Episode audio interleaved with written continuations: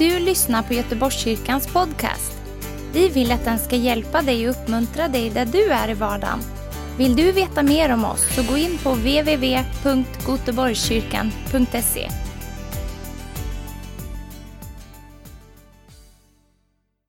Tackar, tackar. Gott att se er alla. Eh, det är underbart att få predika idag, att förkunna Guds ord och jag är väldigt glad. Eh, Idag så kommer jag predika om att leva fullt ut för Jesus, att leva fullt ut i frihet för Jesus och att leva fullt ut i det som Gud har kallat oss till.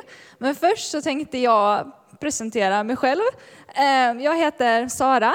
Vissa av er känner mig som hemgruppsledare, vissa kanske har sett mig leda mötet eller någonting. Vissa kanske har hört mig berätta om någon missionsresa som jag har varit på i Kenya för att eh, jag har verkligen hjärta för mission och eh, hjärta för Kenya och stammarna där. Så jag åker dit med en organisation som mina föräldrar har. Vi förkunnar Guds ord för onådda stammar och eh, det är fantastiskt och underbart. Ehm, här i Sverige så är jag socionom och jobbar med missbruk och psykisk ohälsa. Och, eh, jag tycker väldigt mycket om att träna och människor brukar beskriva mig som en person som skrattar väldigt mycket. Så när ni ser mig så är det nog oftast skrattandes kan man säga. Men så här har det liksom inte alltid varit. Så som ni känner mig nu, så har det inte alltid varit. Um, när jag växte upp så var jag väldigt rädd och väldigt, väldigt blyg. Och jag var verkligen bunden av den här rädslan. Och jag vet inte varför jag var så rädd. Men jag var alltid så rädd. Jag var speciellt rädd för människor. Jag var rädd för att prata med människor. Jag var rädd för att träffa nya människor. Eh, när mina föräldrar hade besök så gömde jag mig på rummet och kom typ ut när gästerna hade gått. Eh, jag var rädd för det mesta. Jag var rädd för att ta bussen, jag var rädd för att resa, jag var rädd för att gå till affären och handla någonting. Eh, det var som att jag började tänka på allting som kunde hända. Bara, tänk så hittar jag inte det jag ska ha. Eh, tänk så måste jag fråga någon om hjälp. tänk så har jag inte med mig tillräckligt med pengar. Jag började tänka så mycket och var så orolig. Så att det hände ibland att jag mutade min syster. Jag har en tvillingsyster. Så att jag sa till henne, hon heter Johanna, att Johanna, kan inte du eh, följa med mig till affären så får du lite pengar här. Eh, och min syster, hon har ganska bra sinne för affärer så jag tror att det blev ganska dyrt för mig. Men jag kom undan med detta. Mina föräldrar visste ingenting. Och den här rädslan den begränsade mig väldigt mycket i mitt liv. Och den här rädslan den följde mig också upp i tonåren. Och eh, jag började på gymnasiet, gick på en av de bästa gymnasieskolorna i Helsingborg. Jag tyckte om skolan också så jag hade bra betyg. Men trots detta så upplevde inte jag att jag hade någon framtid. För att jag var så rädd och så orolig och tänkte så lite om mig själv. Så trots bra betyg tänkte jag, vad har jag för, för framtidsutsikter? Vad, vad, vad, ska jag göra för någonting? Jag känner inte hopp att jag kan göra någonting. Eh, allting kändes bara läskigt och övermäktigt. För under tiden jag gick i skolan så visste jag ju att ja, men nästa termin går jag i skolan. Terminen efter det går jag i skolan. Terminen efter det går jag i skolan. Men efter studenten så är det som att då måste jag ta ett nytt steg som jag inte vet vad det är. Och det kändes så läskigt. Så i trean på gymnasiet så var jag väldigt, väldigt orolig. Och jag tror att idag så hade man nog kallat det för ångest, men då hade jag inte orden för det och jag visste inte riktigt vad det var. Jag visste bara att jag kände mig bunden och, och orolig. Och jag kände mig väldigt, väldigt hopplös i trean på gymnasiet. Och det var också en tid där jag inte mådde så bra. Jag var trött på att vara den, vad jag tänkte, blyga, tråkiga kristna tjejen. Så jag bestämde mig för att, äh, jag har ingen lust att följa Jesus, jag vill leva för mig själv. Och det ledde till att jag inte fattade jättebra beslut. Och i slutändan så kände jag mig mer hopplös och mer misslyckad. Men jag är också uppvuxen i en kristen familj med föräldrar som älskar Jesus och tror att Gud är god, att han är en god far och att han är vår försörjare. Så innan studenten så, så, så kom min mamma fram till mig och sa, Sara ska vi be för din framtid? Hon märkte att jag kände mig uppgiven och hon tänkte att men vi lägger detta i Faderns händer för att han har en väg. Och när hon sa det så tänkte jag, Ja, alltså jag tror kanske inte att Gud kommer lyssna på mig, för jag har inte precis lyssnat på honom det senaste, så det här kanske inte är, jag kanske inte ligger så bra till i hans ögon just i detta läget, liksom just nu. Men så tänkte jag, ja men vi kan väl be, liksom, få det överstökat lite sådär, vi gör det. Så vi bad. Och Gud, han är god. Amen. Halleluja, han är så god. Så Gud han öppnade dörren för mig till ett jobb. Och detta jobbet var som volontärarbetare i Thailand som engelsklärare och det var för sex månader. Och jag tänkte, wow, om jag är rädd för att ta ett jobb i Sverige ska jag jobba utomlands. Om jag är rädd för att prata med människor som pratar mitt eget språk ska jag prata med människor som pratar thailändska? Det här kändes liksom väldigt, väldigt, väldigt läskigt och ett väldigt stort steg. Men någonstans så insåg jag att det här var från Gud. Det var Gud som öppnade den här dörren för mig. Han gav mig den här möjligheten. Så jag insåg att jag vill inte tacka nej till det här. Det är Gud som har gett mig den här möjligheten och det känns alldeles för stort, alldeles för läskigt. Men jag behöver göra det. Och dessutom hade jag inte så många andra alternativ utan det var det, var det som fanns. Så jag bestämde mig för att jag gör det.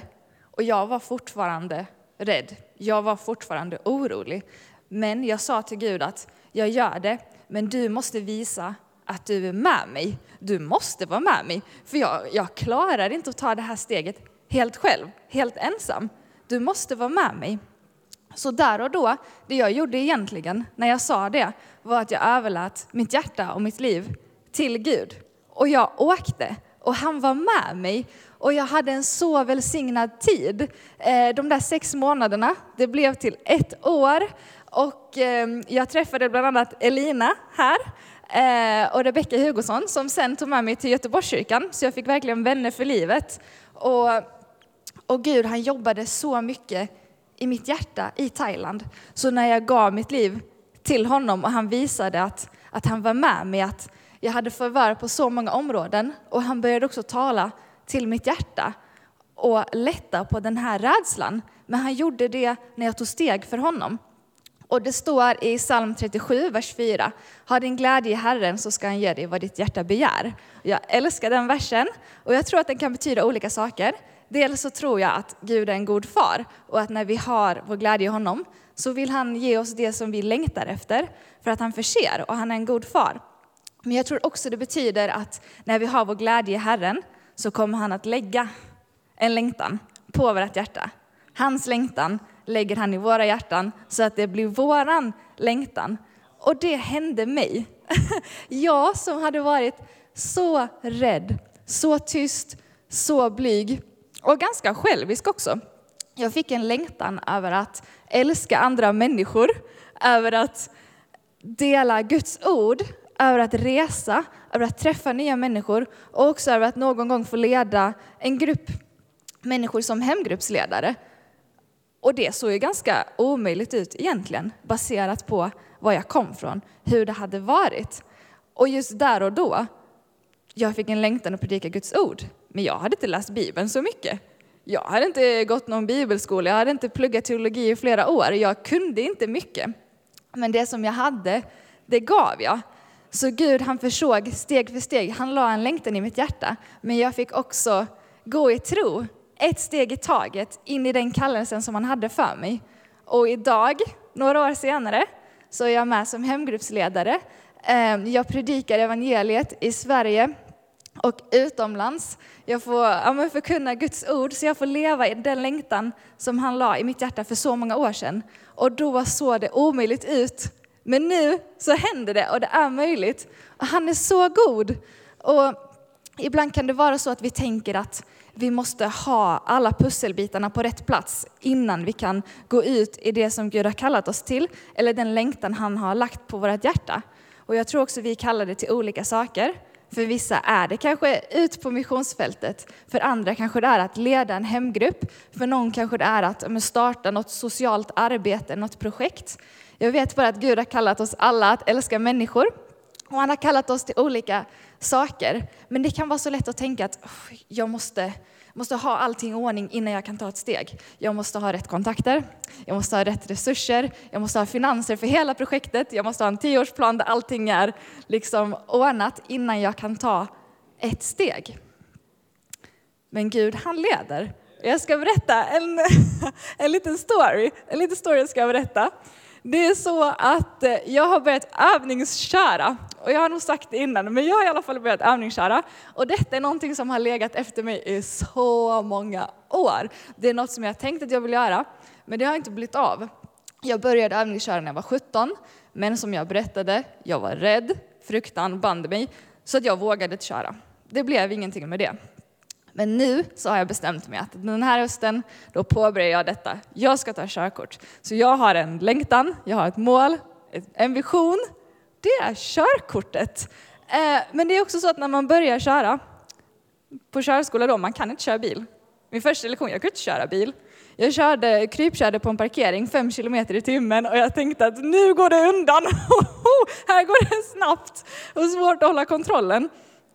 Och nästa lektion så fick jag lära mig lite mer. Jag fick växla, köra lite, lite snabbare, lite långsammare, köra ut från den här parkeringsplatsen ut på en liten småväg sådär med lite mötande trafik. Och det var läskigt men det gick. Och sen hade jag ett uppehåll från körlektionerna på typ två veckor medan jag var på missionsresa. Så kom jag tillbaka och så var det dags för den tredje lektionen.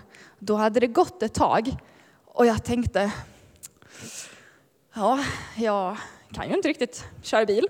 Eh, kanske har jag glömt allt vad jag har lärt mig. Det känns lite jobbigt, känns lite pinsamt också. Samma lärare som liksom har varit duktig och lärt upp mig innan ska ha glömt det som jag har lärt mig.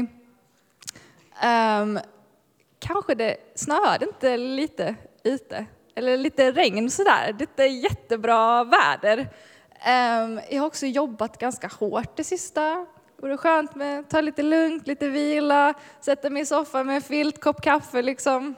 Det här var varit jätteskönt. Började tänka att ja, men, kanske skulle avboka. Det här var skönt, avboka den här lektionen. Liksom. Det känns, jag känner mig inte helt hundra på det här, jag känner mig helt säker, inte helt trygg. Jag vet inte riktigt vad jag håller på med, så kanske avboka. Men så insåg jag att tiden för att avboka hade gått ut. Jag kunde inte avboka. Och dessutom, om jag avbokar då kommer jag inte ta mitt körkort. Jag kommer inte komma ett steg längre närmare min vision. Så att jag gick på den här lektionen. Och det är också så att när du övningskör, meningen är inte att du ska kunna köra bil. Meningen är att du ska lära dig. Din uppgift är att sätta dig i bilen, starta den och låta körskolläraren säga vad du ska göra. För det är så när jag övningskör så har jag en körskollärare som sitter bredvid mig som säger precis vad jag ska göra. Sara, nu startar du bilen. Här kan du lägga i ettans växel. Nu kör du iväg. Eh, lägg i nästa växel, gasa lite sakta, sväng hit dit. Som berättar precis vad jag ska göra, vart jag ska köra, som leder mig och lär mig. Jag behöver inte kunna allting. Det jag behöver göra är att stå till förfogande. Och vet ni vad? Helige Ande är som min körskollärare. Helige Ande leder oss i vår kallelse, till vår längtan, till vårt mål, den visionen som Gud har gett oss. Vi behöver inte ha alla stegen. Vi behöver vara till förfogande, tillgängliga och lyssna. Vi behöver starta bilen, se till att den rullar och sen låta honom leda. Amen. Amen. Det kan också vara svårt att, att gå ut i det som Gud har kallat oss till. Ibland finns det saker som, som kan begränsa oss, som gör att vi inte kan leva fullt ut i det som Gud har kallat oss till, som gör att vi inte kan leva i full frihet för Jesus. Um, nu när jag var i Kenya, vilket var en underbar, underbar resa. Vi var på väg ut till en, eh, till en by och då åker man i bil på vägar som det är inte vägar, det är typ stenar och sand. väldigt skumpigt och man åker i väldigt många timmar. Ehm, och jag och en av teammedlemmarna, Gunnar, vi satt i liksom bak i bilen och, och skumpade runt. Och, och, under tiden, medan vi åkte till ett möte, för vi åkte i många timmar, så började vi dela vittnesbörd med varandra. Ehm, och både han och jag har samma bakgrund av att ha varit blyga, bundna. Så vi pratade om det. Och i, i liksom bilen på vägen till mötet så faller Guds ande över oss i bilen, alltså på vägen till mötet. Och det var underbart. Och Gud uppenbarade för mitt hjärta. Han, han sa det att Sara, jag har satt dig fri från så mycket och du går i den kallelsen som jag har kallat dig till. Men det finns områden i ditt liv där fienden har ett fotfäste. Det finns osäkerheter som du låter begränsa dig från att gå ut i full frihet i det som Gud har kallat dig till. Och så kan det vara. Vi kan ha oavsiktligt gett fienden ett fotfäste i våra liv som gör att vi inte kan leva fullt ut. Det kan vara en synd till exempel. Då behöver vi bekänna den, omvända oss, ta emot förlåtelse, gå och inte synda mer. Det kan också vara en osäkerhet där vi låter fienden få tala in i, genom den här osäkerheten. Och att den här osäkerheten får påverka oss och faktiskt få makten över våra liv. För fienden kanske säger, vem tror du att du är som ska predika? Du har inte så mycket kunskap. Vem tror du att du är som ska skriva och sjunga lovsånger? Du är inte så karismatisk som de andra. Det kan vara olika saker och vissa grejer, vissa osäkerheter kan vara omständigheter som vi inte kan ändra på. Det kanske är vad det är just nu. Eller det är omständigheter som inte kan ändras just nu som fienden använder oss för att, eh, som använder för att sätta oss på plats och begränsa oss. Men Gud är god och jag ska ta fram mitt lilla vapen här, min lilla fusklapp eh, om vad vi kan göra för att övervinna de här osäkerheterna och för att sätta stopp för fiendens fotfäste i våra liv. Och det är från Johannes 8, 31-32. Det står så här. Om ni förblir i mitt ord är ni verkligen mina lärjungar och ni ska förstå sanningen och sanningen ska göra er fria. Guds ord är sanning, sanningen ska göra oss fria. Så när fienden försöker begränsa oss, sätta oss på plats genom osäkerheter, omständigheter, vad den kan vara, då möter vi det med Guds ord som kommer sätta oss fria, för det är sanningen. Om fienden säger du är värdelös, möt med Guds ord, jag är älskad. Om fienden säger du är sjuk, möt med Guds ord, jag är helad i Jesu namn. Om eh, fienden säger du är inte kallad, så möt med Guds ord, Gud har kallat mig till en framtid och ett hopp. Hans tankar och planer för mig är så mycket högre än mina egna. Vi bemöter det med Guds ord, för Guds ord är levande och verksamt. Det är starkt och vi kan övervinna och vi kan få full frihet. För jag tror att vi kan leva fullt ut för Herren. Jag tror att Jesus vill sätta oss fria. När han dog på korset så sa han, det är fullbordat. Han har fullbordat sitt verk och jag tror att vi kan gå ut i det. Jag tror att vi kan besegra fienden. Det är en andlig strid i den här världen, men Jesus har övervunnit. Och genom den auktoriteten tror jag att vi kan ta steg framåt i hans rike, i det som han har kallat oss till. Amen. Gud är så god. Jag vill eh, avsluta där och jag avslutar med en bön, så be gärna med mig. Ja, Fader, jag tackar dig för att du är så god. Jag tackar dig för att du har en plan för var och en, Herre. Jag tackar dig för att du fyller oss med din kraft och din styrka. Jag tackar dig för din helige Andes ledning över oss. Tackar dig för att du aldrig lämnar eller överger oss, Herre. Tackar dig för frihet i dig, att du bryter kedjor, Herre, i ditt namn. Tackar dig för att du sätter människor fria att leva fullt ut för dig.